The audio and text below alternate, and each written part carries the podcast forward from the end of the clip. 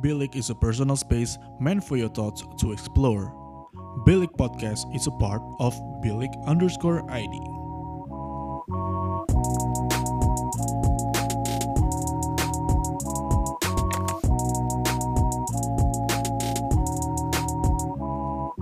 Bilik, your thoughts matter. Welcome back to yet another episode of Bilik Podcast. Hari ini kembali di segmen Bilik Curhat dengan narasumber yang berbeda lagi dari minggu-minggu sebelumnya. Hari ini gue punya uh, salah satu tokoh. Dia ini sebenarnya di kelas gue di kampus. Cuma ini orang gue amazed banget sama uh, rapid growth-nya dia terutama di bidang-bidang yang yang multimedia gitu lah. Fotografer, videografer, sinematografi, etc.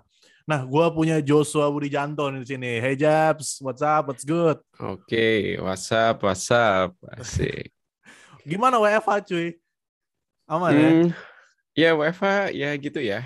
Actually I found it uh, really fun gitu ya. Mungkin ah. karena selama ini kuliah jauh dari rumah gitu ya. Terus hmm. habis kuliah juga langsung kerja.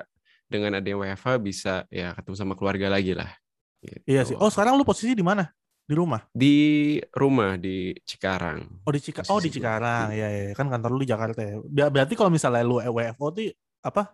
Sehari-hari lu ngekos atau gimana? Ngekos. Gak ngekos, mungkin ya? dari Cikarang, iya. Ya bisa sih, cuma ya paling capek aja gitu kan. Hmm, pasti capek banget. Oke oke. Uh, terus day to day work lu consist ngapain aja nih kalau misalnya WFH kayak gini? Kan kalau misalnya WFH okay. kan lu pasti berkutat sama alat-alat itu kan. Mm -hmm. Ya, kalau untuk WFH ya sebenarnya masih mirip-mirip aja gitu ya. Karena kalau di kerjaan gue itu di bidang uh, demand creation gitu ya atau product oh. specialist. Jadi banyak uh, kerjaan harus nge-host workshop gitu ya atau briefingin uh, influencer gitu which is makanya dari rumah gue juga banyak kerjaan yaitu oh. harus banyak meeting online lah gitu. Berarti lu lebih ke uh, lebih ke humannya ya dalam artian maksudnya lebih ke klien atau lebih ke pihak-pihak yang eksternal ya daripada ngurusin soal uh, teknis atau alat itu sendiri ya atau gimana? Hmm, actually ya teknis itu uh, gue salah satu yang paling dipercayain buat uh, masalah teknis di Sony sekarang. Jadi kalau misalnya ke eksternal itu juga yang ngomonginnya soal uh, teknis gitu. Kayak hmm. uh, salah satu yang menurut gue paling fun itu ya ini dapat nyobain barang-barang baru yang sebenarnya belum boleh nih gue kasih tahu yeah, nih, karena yeah, belum yeah. rilis secara official gitu. Jadi ya Ibaratnya ya, test drive gitu ya. Yo, tuh, lu pernah lu pernah sharing juga tuh kalau nggak salah di sosial media lu gua wah gua ngeliat anjir. What a, what a privilege. Coba balik lagi, it's not a really a privilege kan itu juga bagian dari hard work lo ya. Dan gue mau langsung masuk aja nih. Like you're a driven computer science graduate, bener ya? Ya. Yeah.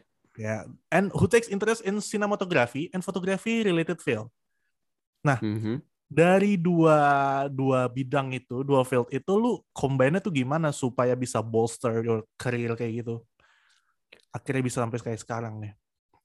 Oke, mungkin mulai dari computer science itu dulu gitu oh, ya, oh, karena menurut gue itu adalah uh, sistem komputer sih lebih tepatnya. Mm-hmm. Itu jurusan yang nggak jar, yang nggak sering ditemuin lah, gitu, cukup jarang lah gitu ya karena uh, kalau ada pun biasanya mahasiswanya dikit ya gitu kak mahasiswanya dikit betul yeah. karena itu kayak gabungan antara IT sama elektro gitu jadi biasanya anak-anak oh. tuh udah masuk ke salah satu di dari kedua itu karena lebih terkenal secara namanya juga kan tahu ya anak elektro gitu ya tahu anak yeah, IT yeah. tapi nggak tahu nih anak komputer Discom tuh gimana gitu, gitu. iya gitu nah jadi kalau di jurusan ini tuh kita tuh ditantang gitu ya ah. untuk nemuin pemecahan masalah dari pertanyaan yang menurut gue sih cukup random gitu jadi sering banget nih ujian tuh open book open internet, open laptop gitu ya. Kita boleh bawa HP, bawa modem, bawa laptop.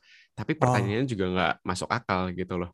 Jadi benar-benar kita tuh bakal belajar soal itu di jam ujian gitu. Kita dikasih dua jam untuk belajar dan untuk mecahin masalah tersebut karena nggak ada kisi-kisinya biasanya. Jadi ya udah malam sebelumnya cuma bisa doa istirahat gitu. Hmm, berarti kayak uh, nggak nggak begitu berguna juga ya lu bawa fasilitas itu dalam di dalam kelas atau di dalam pelajaran gitu ya? Mm-mm, jadi bener-bener tuh kita harus uh, di apa gimana ya belajar untuk mencari permasa pemecahan masalah itulah di tempat gitu ya. Dan hmm. menurut gue tuh ini cukup berbeda gitu ya dibanding jurusan-jurusan lain di mana kita tuh biasanya harus ngafal ya kan bikin catatan, ngafal, ya. ujian. Tapi dari sinilah gue sadar gitu. Kalau kita Ah. tuh kuliah dari jurusan berbeda itu itu ada tujuannya masing-masing. Punya gizinya tuh beda. Contohnya Hmm. anak Telkom deh. Dibiasain setiap hari ketemu orang, public speaking gitu Iya, ya. iya, iya. Yang mungkin bikin ya anak-anak Telkom lebih comfortable untuk misalnya lakuin podcast kayak sekarang Iya, gitu kan. Karena ya dikasih gizinya udah kayak gitu gitu. Mi- Minimal untuk gue ya, gue dikasih gizinya untuk nemuin permasalahan secara instan dari informasi yang gue harus cari. Intinya gue harus belajar dengan cepet gitu ya. Hitungan detik tuh harus sudah tahu nih, gue mesti nyari apa gitu ya. Nah, jadi kalau menurut gue ini actually bagus banget gitu. Karena Hmm. di real world gitu ya, di kita sekarang nih ya, kita tuh nggak di-expect untuk bisa ngafal segala hal gitu ya. Ya kan Exactly. nggak mungkin dong. Benar, Kita benar. tahu-tahu ditanya ya kecuali lagi ada prank gitu ya barulah kita ditanya sebutkan lima Pancasila gitu ya. Cuman it's not a real world issue gitu kan. Iya, iya, iya. Tapi instead kita tuh selalu diharapin untuk nemuin solusi dari masalah kita masing-masing Hmm. gitu. Nah, eh, gue tuh nggak nggak paling pintar di kelas gitu ya tentunya gitu ya. Banyak tantangan lah yang gue hadapin. Cuman ya eh, dibawa enjoy aja Ah. gitu karena menurut gue itu kuliah itu bukan cuma soal jurusan tapi soal pengalaman hidup kita lah yang kita alamin di Iya, kuliah dan itu balik lagi ke faktor-faktor key yang lain ya misalnya kayak attitude atau misalnya etos kerja lu dan banyak-banyak banyak sih faktor yang akhirnya bisa menunjang karir lu sebagai seorang profesional kan. Dan kalau misalnya tadi lu sempat Mm-mm. singgung bahwa anak uh, komunikasi convertible ya dan uh, konver- konvertibilitas itulah yang waktu itu gue cari dalam dalam apa namanya memilih jurusan gitu kan. Ah kalau misalnya gue Mm-mm, masuk komunikasi uh, berarti nanti gue bisa milih bidang pekerjaan yang cukup luas nih. Tapi di di di masa sekarang nih kadang-kadang tuh ba- memang banyak perusahaan yang lebih mencari seorang spesialis daripada seorang generalis dan gua ngelihat Hmm. jurusan lo itu adalah ju- salah satu jurusan yang menawarkan untuk lo menjadi seorang spesialis gitu kan karena jurusannya Iya. ja- uh, mahasiswanya jarang dan yang tadi lu bilang itu gabungan antara elektro dan IT kan akhirnya bisa menunjang lo secara skill secara knowledge gitu kan sebagai seorang uh, profesional yang unik lah dibanding kandidat-kandidat kandidat lain kalau misalnya ada kantor mencari tenaga kerja. Mm-mm. Keren banget sih. Nah, moving on nih, moving on. Uh, I think kalau misalnya gua ngelihat uh, your early days gitu, megang-megang kamera kan. Lu megang kamera dari Mm-mm. kapan sih exactly? Gue tanya dulu nih. Eh, gue pertama kali megang kamera seinget gue itu 14 Februari 2017 Valentine tahun itu gue belajar Wow. gue beli kamera gitu exact, exact banget. 4 Fe 14 Februari Valentine 2017. Ya, Which means Valentine empat tahun setengah lah ya, empat tahun setengah. Dan Mm-mm, dalam mm-mm. empat tahun setengah, gue bisa melihat lo uh, udah di stage yang seperti sekarang. Wah, gue heads Mm-mm. off sih. Keren banget. Dan dari kalau misalnya 2017 judging tadi ya, uh, I think I'm the Mm-mm. one, I'm one of the people who saw your early days gitu kan. Karena waktu itu Betul, kita betul. juga sempat uh, terlibat di satu UKM film di kampus dan dan waktu itu kita sempat kerjain project bareng ya, satu film bareng. Waktu Itu Betul. akhirnya ditayangin di Cinemax Lipo gitu Mm. kan. Nah, to see your rapid growth in this particular field, kalau uh, misalnya gue talking about your uh, kamera gitu, apa sinematografi, fotografi dan segala macam, it's very amazing. Dan what what do you actually do to keep your focus? Karena empat Oke. setengah tahun itu rapid banget menurut gue, dan nggak mungkin Mm-mm. cuma didasarkan karena cuma suka atau hobi gitu nggak mungkin lah ya. Sebenarnya Oke. gue gue lebih ke arah minta tips sih gitu untuk menjaga fokus dan konsistensi gitu. Oke, ini bagus sih, bagus sih. Tapi kalau minta tips gitu ya, menurut gue sih satu aja, yaitu motivasi kita. Gitu. Kita harus Motivasi. punya goal dulu nih. Jangan kita tuh start something itu karena ya eh, mau ikut-ikutan temen. Gitu. Tapi Ah, you need exactly. to find that goal itu motivasi tersebut yang ya udah tiap hari akan membuat kalian tuh lebih fokus. Ya kalau kita ngomongin eh, di bidang ini gitu kan, awalnya tuh eh, gue join yang UKM ini MPC gitu ya karena Hmm. wah keren nih anak-anak film gitu ya ikut-ikutan aja ya gitu ya. And then waktu itu gue dikasih pinjem kamera sama eh, ketua sebelumnya gitu. Waktu itu nyobain 6D sama lensa fix. Ya gimana sih? Pertama kali nyobain pegang kamera terus wih bisa fotonya bagus banget gitu ya. Nah dari situ gue langsung kayak wah gue harus belajar nih gitu nah and then eh gue tuh jarang nemuin interest tapi begitu gue udah nemuin interest gue pengen all out lah untuk itu Ah, gitu karena Totalitas lah ya. totalitas lah totalitas tanpa batas tuh bener gitu Iya iya. bahkan waktu itu tuh gue eh posisinya karena gue bukan orang yang bisa minta ke orang tua gue segala hal gitu ya gue nggak bisa Nah. beli apa eh, ma apa minta beliin kamera gitu ya nggak bisa gitu jadi gue harus pakai ya uang jajan gue atau uang makan gue sampai gue tuh selama beberapa bulan awal gue nyobain kamera itu gue makan sehari 3.500 di kampus nasi Wah. setengah kerupuk satu gitu Sehari tuh Tapi- men. sehari sehari Wah, tapi ya ada makan malam di rumah gitu Iya, cuma iya, tetap iya. aja siangnya kelaparan pasti Wah. tapi eh menurut gue it's the only way untuk ngejar ketertinggalan gue karena teman-teman gue tuh udah mulai pegang kamera dari SMP SMA gitu ya. Hmm. orang tuanya udah punya kamera. Satu-satunya cara untuk gue ngejar itu adalah ya eh, ngejar secara kuantitas untuk gue pegang kamera ini gitu. Jam terbang gue harus nyamain sama mereka Oke. jadi gue tiap hari di kampus tuh pasti bawa kamera. Mungkin lu pernah lihat lah gue tiap hari pasti bawa kamera Iya, gitu ya. Ada aja nih walaupun foto ya- lu mah. Ada aja gitu ya. Iya. Dan itu banyak banget halangannya. Nah ini mungkin teman-teman ada beberapa yang bakal ngerasain gitu. Yaitu Hmm. banyak yang ngomongin. Ada yang bilang, wah ini anak banyak gaya. Wah ini anak pamer nih baru punya Hmm, hmm. kamera dan lain sebagainya. Tapi actually di situ gue sebenarnya cuma mau belajar. Plus kamera gue juga yang paling murah gitu ya levelnya. Jadi gue eh gue nggak dengerin itu dulu gitu ya. Gue fokus sama tujuan akhir gue yaitu gue mau ngerti soal kamera. Nah dari situlah mungkin yang membuat gue nggak pernah puas selama bertahun-tahun sampai akhirnya gue lulus tetap punya fokus tersebut yaitu ya punya tujuan akhir itu gitu sama ini hmm, menurut gue kita tuh nggak bisa kalau kita tuh punya suatu goal tapi secara belak-belakan kita kejar terus kayak tiap hari oh gue belajar kamera gue belajar kamera bakal Oh, bosen burn out ya kan pasti burn out itu itu itu mungkin pasti dirasakan banyak banyak kreator atau banyak betul pegiat lah kayak gitu ya. Karena Mm, mereka bisa Nah, nge-set goals kalau- tapi mereka nggak bikin step by step untuk mencapai goals itu. exactly Ya kan? Mm, kayak nggak sempat mikirin sejauh itulah Iya gitu. iya. Nah, kalau teknik gue adalah procrastinate. Nah, gue tuh professional procrastinator, rajin menunda. Nah, jadi Wah. bingung nih kan, Coba rajin coba menunda tuh gimana? elaborate Ini menarik elaborate, nih, elaborate. Elaborate ya. Jadi buat teman-teman yang suka menunda, menurut gue itu anak-anak pintar. Pernah dengar kan yang katanya Google tuh nyari anak-anak males, karena pasti punya cara yang terpintar, Iya, tercepat paling gitu ya, paling mudah lah gitu caranya. paling mudah gitu ya. Iya, Oke oke. Jadi kalian tuh kalau mau nunda sesuatu, entah ngerjain PR atau ujian, menundalah dengan efektif. Kayak gue, misalnya di kelas nih, gue lagi dengerin dosen, wah bosen nih ngantuk nih, ya udah, gue buka HP, gue belajar kamera, gue research nih, kamera yang bagus apa, lensa yang bagus apa gitu. Nah dari situlah gue jadi eh apa namanya? Ya udah, gue bosen belajar ya gue belajar yang something yang else gitu loh, belajar something yang eh, gue sukain gitu. Jadi kalian itu kalau misalnya nih, misalnya malam-malam ya di Hmm. zaman kuliah, mau hangout ke Holy Wings gitu misalnya sama teman-teman, menurut gue itu nggak salah, menurut gue itu bagus. Tapi kalian harus sadar kalau itu adalah kesempatan kalian bikin koneksi gitu contohnya. Oh, heeh, nggak ada kegiatan yang sia-sia kalau Bener, kalian tuh bener, bisa jadiin pembelajaran di hidup kalian. Entah itu misalnya part time gitu ya, ngambil kerjaan yang di luar eh, jurusan, hangout, bahkan tidur siang gitu ya. As long Iya, kalian tuh mikir gitu loh. Ini tuh ada purpose-nya, gue menunda. wah keren. Terus eh, ini satu hal lagi keterbatasan itu.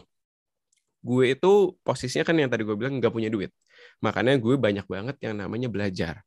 Nah, buat teman-teman yang di sini mungkin kayak mau masuk eh, belajar misalnya sekarang yang lagi rame tuh trading gitu ya. Trading ya. Ken- kenapa katanya kita tuh harus belajar dulu baru masuk? Ya karena ini gitu. Jadi ketika Resiko. kalian belum ada dananya, belum ada kesempatan untuk masuk, kalian tuh udah menyiapkan diri kalian dulu gitu. Jadi ketika kesempatan itu datang, bang gitu. Kalian udah tahu yang mesti dilakuin apa. Secara knowledge pun udah punya gitu ya, tinggal terjun aja. udah ya? punya, Oke. tinggal terjun. Berarti yang bisa gua yang bisa gua tarik adalah bagaimana makan pun lu lu korbanin gitu ya untuk untuk untuk ngejar ketertinggalan itu. Itu menurut gua suatu dedikasi yang yang sulit banget sih dilakukan oleh orang dan dan yang tadi yang soal Holy Wings tadi ya kayak apa pun momennya, apa pun kegiatannya berusaha lah untuk menjadi seorang oportunis gitu ya. Iya Hmm, nggak sih? Betul. In other, So, cari alasan aja, cari Iya. alasan aja, ngeles gitu ya. in other words, jadi oportunis lu cari lu cari suatu value atau suatu purpose dari seluruh kegiatan lu yang mungkin bahkan terlihat tidak berguna gitu kan seperti hangout, ngabisin duit mabuk gitu kan Hmm. dalam satu sudut pandang mungkin nggak berguna, cuma cari koneksi. Oke oke oke that's that's that's quite fascinating in in my opinion dan uh, sekarang gue pengen gue pengen nanya soal uh, soal karir lo yang sekarang ya setelah yes. lo uh, kuliah lu sempet jadi ketua di UKM film itu juga ya kan mm-hmm. satu periode itu itu yang lu dapat apa itu dari situ tuh Ah, nah selain itu skill, selain skill, selain skill ya, selain itu gue belajar banyak hal sih. Ya secara pendewasaan juga lah. Gitu. Pendewasaan. Gitu. Jadi waktu itu gue dapat kesempatan jadi ketua itu setahun sebelum uh, gue seharusnya gitu. Jadi yang lain tuh ketuanya angkatan 15, gue anak 16 tuh udah jadi ketua dan oh, iya. tentunya dari situ gue ngalamin yang banyak banget namanya uh, kesusahan itu gitu. Gue dapat pembelajaran untuk ngerasain gimana rasanya kalau kalian tuh dapat privilege something yang kalian tuh belum siap untuk itu. Oh, gitu. iya iya. Nah, itulah sebabnya kalau kalian misalnya hoping for something gitu ya, percayalah bakal dikasih ke kalian ketika saatnya tuh udah sesuai gitu. Karena kalau kalian itu belum siap untuk itu, malah nanti banyak problemnya. Gitu. Walaupun ya uh, akhirnya di apa namanya di masa gue pas uh, lagi ngurus itu very fun gitu. Maupun banyak tantangan, gue juga sangat bersyukur karena uh, banyak pengurus yang lain nih yang bisa saling support juga gitu ya. Hmm. Mengetahui hal tersebut dan ya udah we as a team finish our period gitu ya dan akhirnya kita lanjut ke our next uh, live gitu. Ya, lu lu masih lu masih keeping kontak sama uh, teman-teman yang mungkin dulu satu tim gak sih di UKM atau mungkin mm -mm. Uh, kerja bareng, project bareng gitu? Masih masih beberapa masih oh, that's gitu good, ya that's karena uh, ya itu uh, gue dulu pernah bilang sih waktu itu ke nyokap bokap gue huh?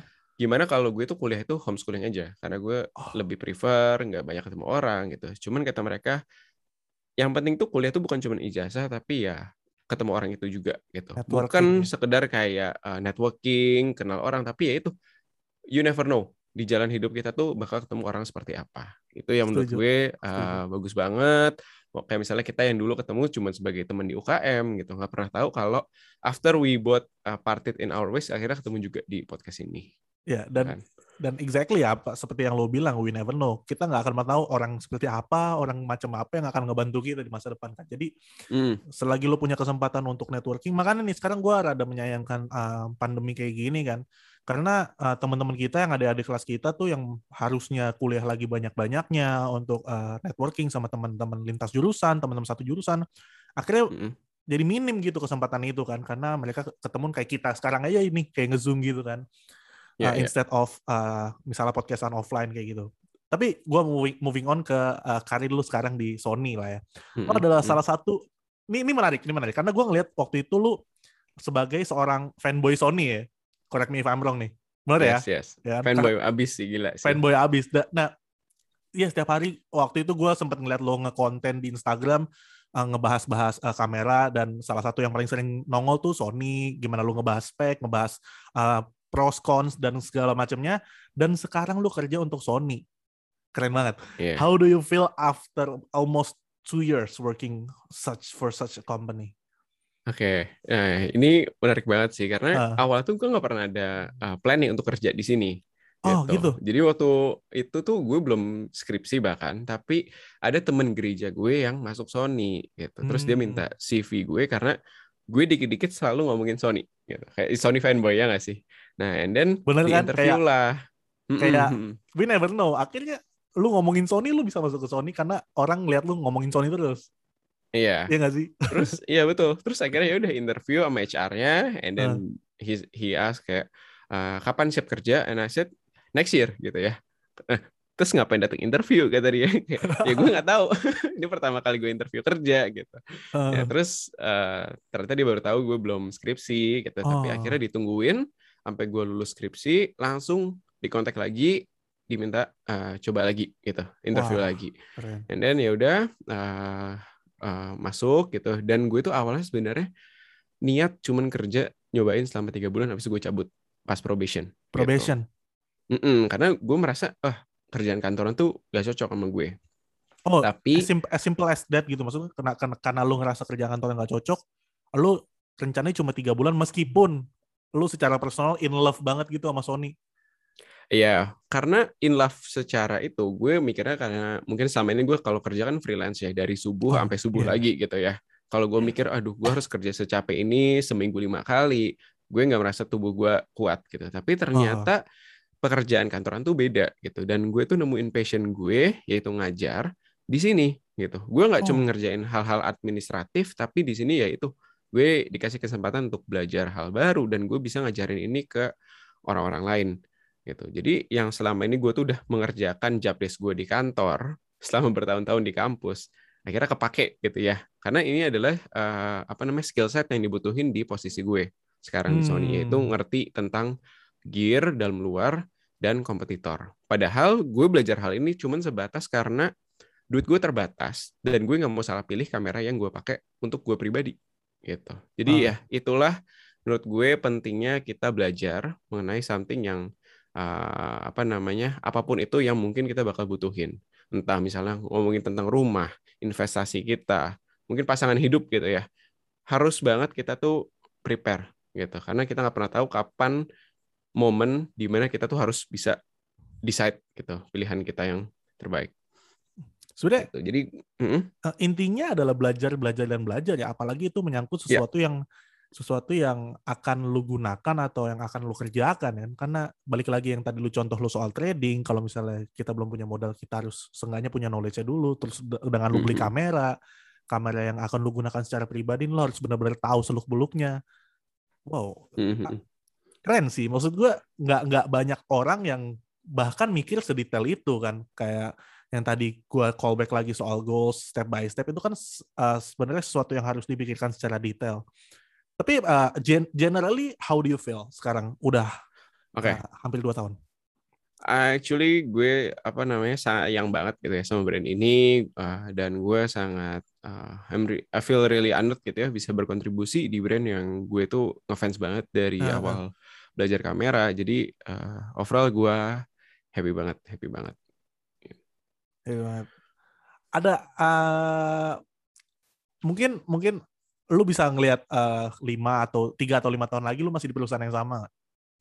Hmm, depends ya, depends gitu ya. Karena gue ngeliat uh, apa namanya, gue, gue gue cukup happy gitu ya. Karena setelah hmm. gue kerja satu tahun, gue juga dapat uh, promotion gitu ya. Walaupun gue sekarang masih posisinya tuh masih paling muda di uh, PT Sony oh, keren, Indonesia keren. gitu ya as long gue masih bisa kasih dampak yang positif, gue mau banget gitu. Karena gue sayang sama brand ini. Cuman kalau memang udah saatnya gue uh, cabut gitu ya, atau gue udah mulai jadi batu sandungan ya, gue akan uh, membiarkan diri gue lepas dari brand ini. Gitu, dan sih. sebenarnya hubungan antara uh, seorang profesional dan karyawan tuh vice versa nggak sih? Kayak lo bisa memberi dampak dan lo juga masih belajar gitu, masih ada ruang untuk yang lo pelajarin kan dan mungkin kalau misalnya udah lu merasa cukup ya it's time for new challenge nggak sih? Mungkin Betul. lah ya. dan kita kan nggak harus open minded sih menurut gue ah, karena gue juga nggak nyangka kan. Yang gue pikir kayak oh di kantor nih pasti gue tiap hari harus bikin laporan dan lain-lain. Yeah. tapi ternyata enggak gitu. Ternyata bos-bos di sini tuh baik banget dan dia tuh sadar kalau uh, kita juga masih muda gitu. Mungkin kita mau jadiin ini jadi batu loncatan gitu. Mereka juga as uh, us gitu ya yang muda-muda di kantor oh. untuk learn as much as we can selagi kita masih di sini gitu. Wah, Makanya itu yang membuat gue sangat uh, appreciate gitu ya. Nggak cuma dari brand yang gue fans tapi juga dari coworker yang menurut gue sih uh, keren banget, ya. really ya. good. Keren banget, keren banget. Keren banget. Well, that, that that's one thing to to appreciate uh, for sure. Uh, keren banget dan good luck. Semoga masa-masa lo di Sony pokoknya jaya lah gitu. Amin lah itu. Amin. Nah, sekarang gue pengen moving on ngomongin soal mm -hmm. hobi. Ini gue nggak tahu ya gue yang hidup di gue atau gimana. Cuma kan gue emang nggak begitu ngikutin uh, uh, tech life tech life yang kayak gini kan. Maksudnya mm -hmm. apa yang lo geluti. Ceritain dong awal mula soal hobi lu ngerakit ngerakit orang kapan sih mulai ngerakit keyboard tuh kayak gue gue kayak merasa hidup di zaman batu banget gak sih Iya iya iya. Gimana gimana? Jadi ini tuh gue baru tahu eh tahun lalu, baru bulan lalu sih kenal ini custom mechanical keyboard tuh. Jadi oh, okay. ya custom mechanical seperti keyboard. Kam mm -mm, jadi seperti kamera ya begitu gue udah nemuin suatu hal yang baru, gue mau all out gitu. Karena ya menurut gue waktu itu penting. Nah, ini mungkin tips yang gue bisa kasih ke anak-anak seumuran gue ya. Mungkin boleh, masih boleh. umur until 22, 24. Menabung boleh, tapi jangan hidup untuk menabung menurut gue. Duit tabungan gue sebenarnya hampir ya masih ada lah cadangan lah pasti ada, tapi hampir habis gue nemuin passion-passion seperti ini gitu lah. Oh. Nemuin talenta gue. Entah itu uh, mencoba talenta gue di musik, mencoba talenta gue di kamera gitu ya. Tapi waktu itu menurut gue lebih berharga dibanding tabungan kita untuk sekarang. Kalau kalian di umur segini udah nemuin passion kalian, udah nemuin uh, apa namanya talenta kalian, uang itu bakal datang di masa yang akan datang. Exactly. Tapi kalau kalian nyimpen-nyimpen duit kalian gitu ya, waktu kalian tuh terbuang untuk ngelakuin hal-hal yang yang monoton gitu tiap hari ya belajar, belajar, nabung gitu ya. Menurut gue uh, kurang oke okay. apalagi itu mungkin berguna di generasi yang lama. Tapi kita sebagai generasi yeah. baru nih harus Setuju. bisa improvise gitu. Dan Benar. gue sendiri adalah mungkin contoh realnya gitu ya yang udah ngabisin duit banyak tapi at the end of the day ya hmm, sumpah kerasa kok gitu. Gue kerja satu Benar. hari di skill yang sekarang itu bisa membayar ya udah tabungan gue selama ini gitu. Kalau gue misalnya nabung-nabung setiap hari gitu ya, nyicil-nyicil tabungan gue sampai ya udah kayak apa sih? Ya udah sampai kayak gudang uang tapi kagak ada skill ya gitu. Jadi uh, please explore uh, your talents, your skills gitu ya karena uh, mungkin keyboard ini itu juga salah satu menurut gue ya, bukan hmm. hobi tapi talenta. Ah, nah, iya, dan bener. ini yang menarik nih, ya kan? Oke, oke, oke. Eh, dari kepercayaan gue itu dilatih kalau talenta itu harus dikembangin, walaupun nggak setiap orang dikasih talenta yang sama, ya kan? Benar, benar. Karena kita tuh nggak di expect untuk punya tingkat kesuksesan yang sama, gitu. Ah. Makanya jangan bandingin diri kalian sama orang lain karena nggak adil, gitu. Dari kali pun beda kan? Betul, betul. Kayak aku sempat ngelihat kayak banyak orang yang udah nyadar hal ini jadi detox dari sosial media gitu kan kayak nggak mau bandingin diri mereka sama orang lain dan fokus ke diri sendiri. And ya itu itu dia kuncinya. Okay. jadi kita tuh harus kembangin talenta kita dan kalian tuh harus sadar kalau talenta itu datang dalam bentuk yang absurd gitu. Bahkan bukan semena-mena kayak oh talentanya bermain musik. Talentanya tuh apa? Karena talenta bisa jadi nih talenta kita tuh ternyata uh, belajar secara teknis gitu atau ternyata uh. talenta kita tuh jago untuk uh, punya spatial awareness atau apa. Jadi kalian tuh pokoknya explore aja apa pun itu dan salah satu yang gue coba adalah ini ngerakit keyboard gitu. Karena gue suka banget nih hal-hal yang teknis yang kecil-kecil gitu ya. Yeah, yeah. jadi uh, keyboard ini tuh bener-bener banyak banget uh, custom customization yang bisa kita lakuin terus uh, pekerjaannya. Dan sekarang itu gue jadiin ini jadi salah satu uh, source of income gue. Jadi uh. dengan membuat jasa custom keyboard ini custom gitu. keyboard. karena uh, asik sih. Menurut gue asik banget. Kayak apa Lego lah gitu ya kalian bisa yeah, rakit yeah, sendiri yeah. kayak Lego, tapi mm -mm, tapi dengan ber, berbentuk keyboard gitu. Dan uh, gue juga mau memasarkan kebiasaan stay at home buat teman-teman gitu ya supaya kita oh. juga nggak ngerugiin diri kita dan juga nggak ngerugiin orang lain. Karena sekalian it, gitu, gitu ya? Mm -mm, I get it uh, kalian baik yang mau keluar gitu baik yang mau hangout lagi gitu. Tapi ya di rumah juga banyak kok hal-hal yang bisa kalian explore gitu. Entah kayak ngerakit keyboard atau bahkan mungkin ya buat teman-teman yang udah rajin main game ya bisa nge-push rank ya atau hmm. bikin podcast gitu loh.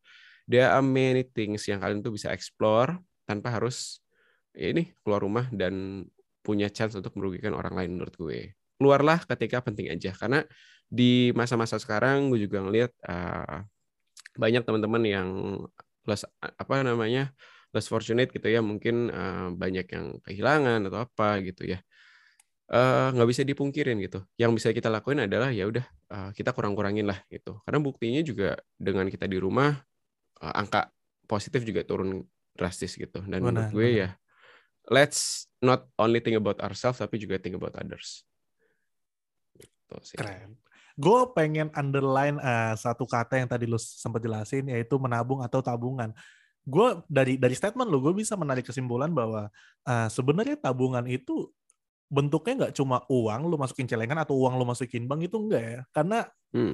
dari dari dari statement lu gue bisa menyimpulkan bahwa sebenarnya lu tetap menabung cuma tabungan itu lu konversikan menjadi sesuatu yang lebih lebih abstrak dalam artian uh, hmm. talenta atau knowledge atau yang yang tadi uh, lu lu meng mengkonversikan itu menjadi sebuah fasilitas di mana lu bisa berlatih dengan itu ya kan yes investasi ya kan? diri investasi sendiri diri sendiri yes exactly wah keren banget sih. Dan dan gue pengen ya sebenarnya dari underline gue pengen gue pengen uh, apa menyuarakan bahwa yang tadi itu investasi itu nggak cuma dalam bentuk materi uang yang lu tabung ke celengan uang yang lu tabung ke bank.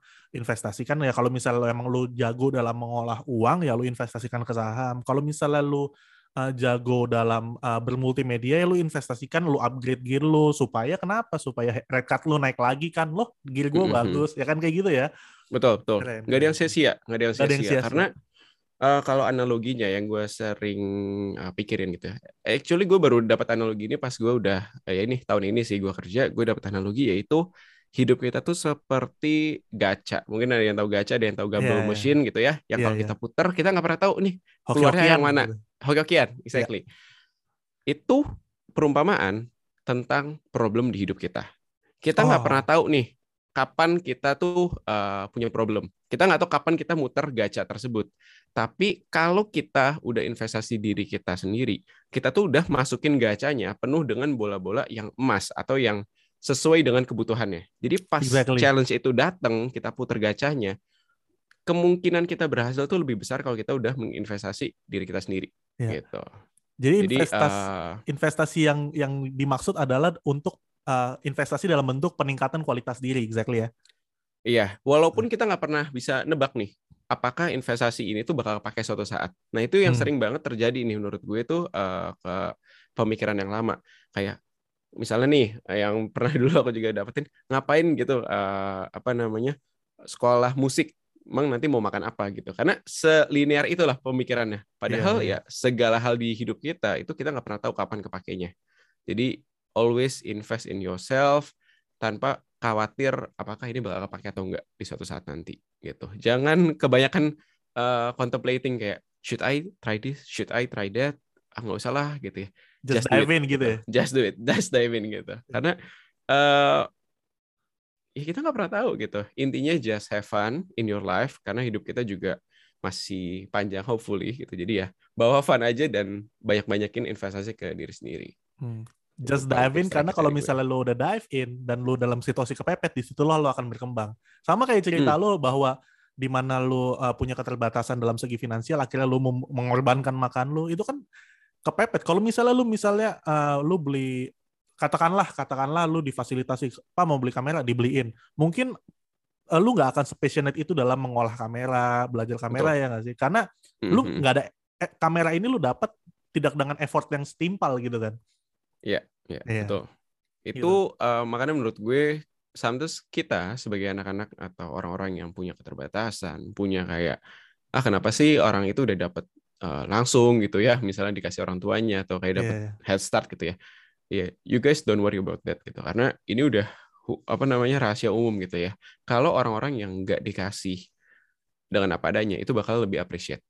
Makanya ya, iya. itulah itu yang kalian pegang one day you will get what you need, what you hmm. want, dan kalian tuh punya suatu nilai yang kalian itu punya, yaitu nilai apresiasi itu kalian. Exactly. Karena ya you will appreciate something when you lost it, tapi please itu buruk banget gitu ya. Nah. Jangan sampai terjadi. Please appreciate apa? Please appreciate those things before you lost it. Karena mungkin ya, bisa mungkin bisa ditweak dikit. Uh, you may appreciate something that doesn't come easy.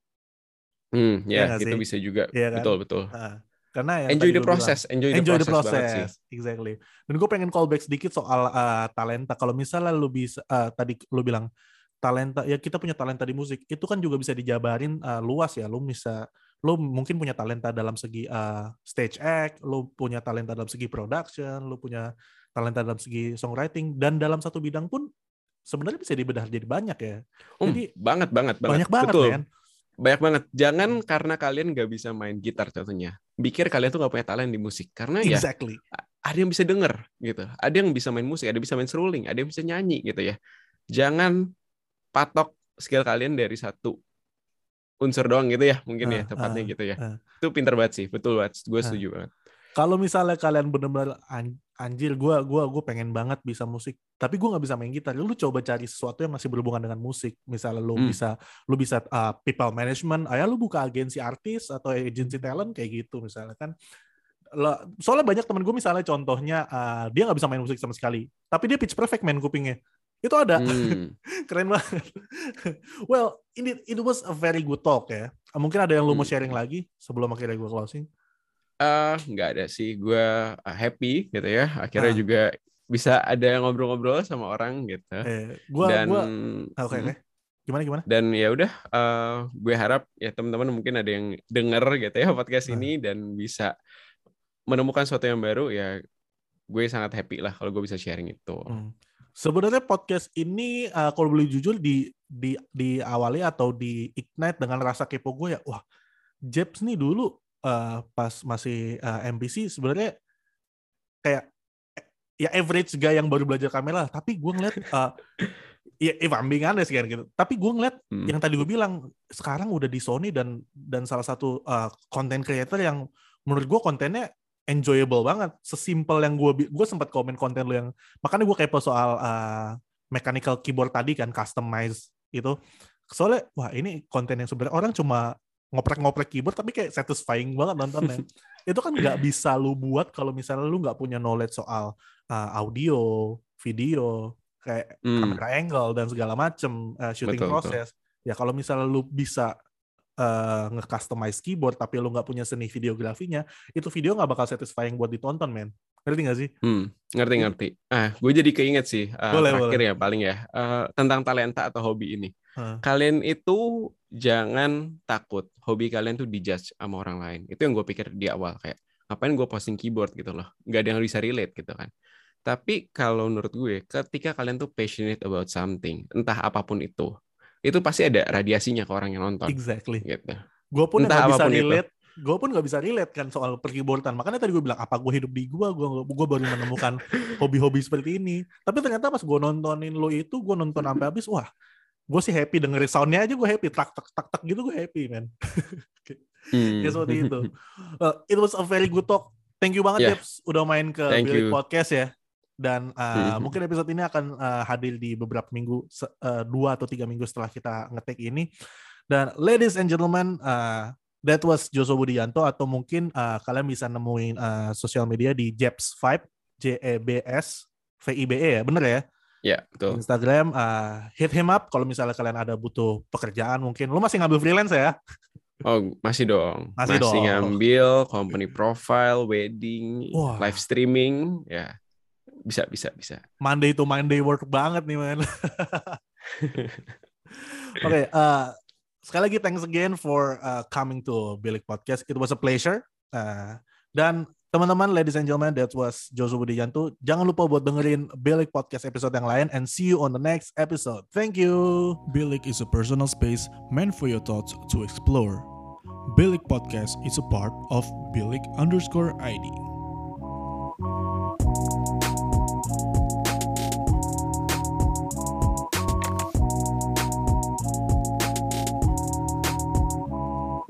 Bilik, your thoughts matter.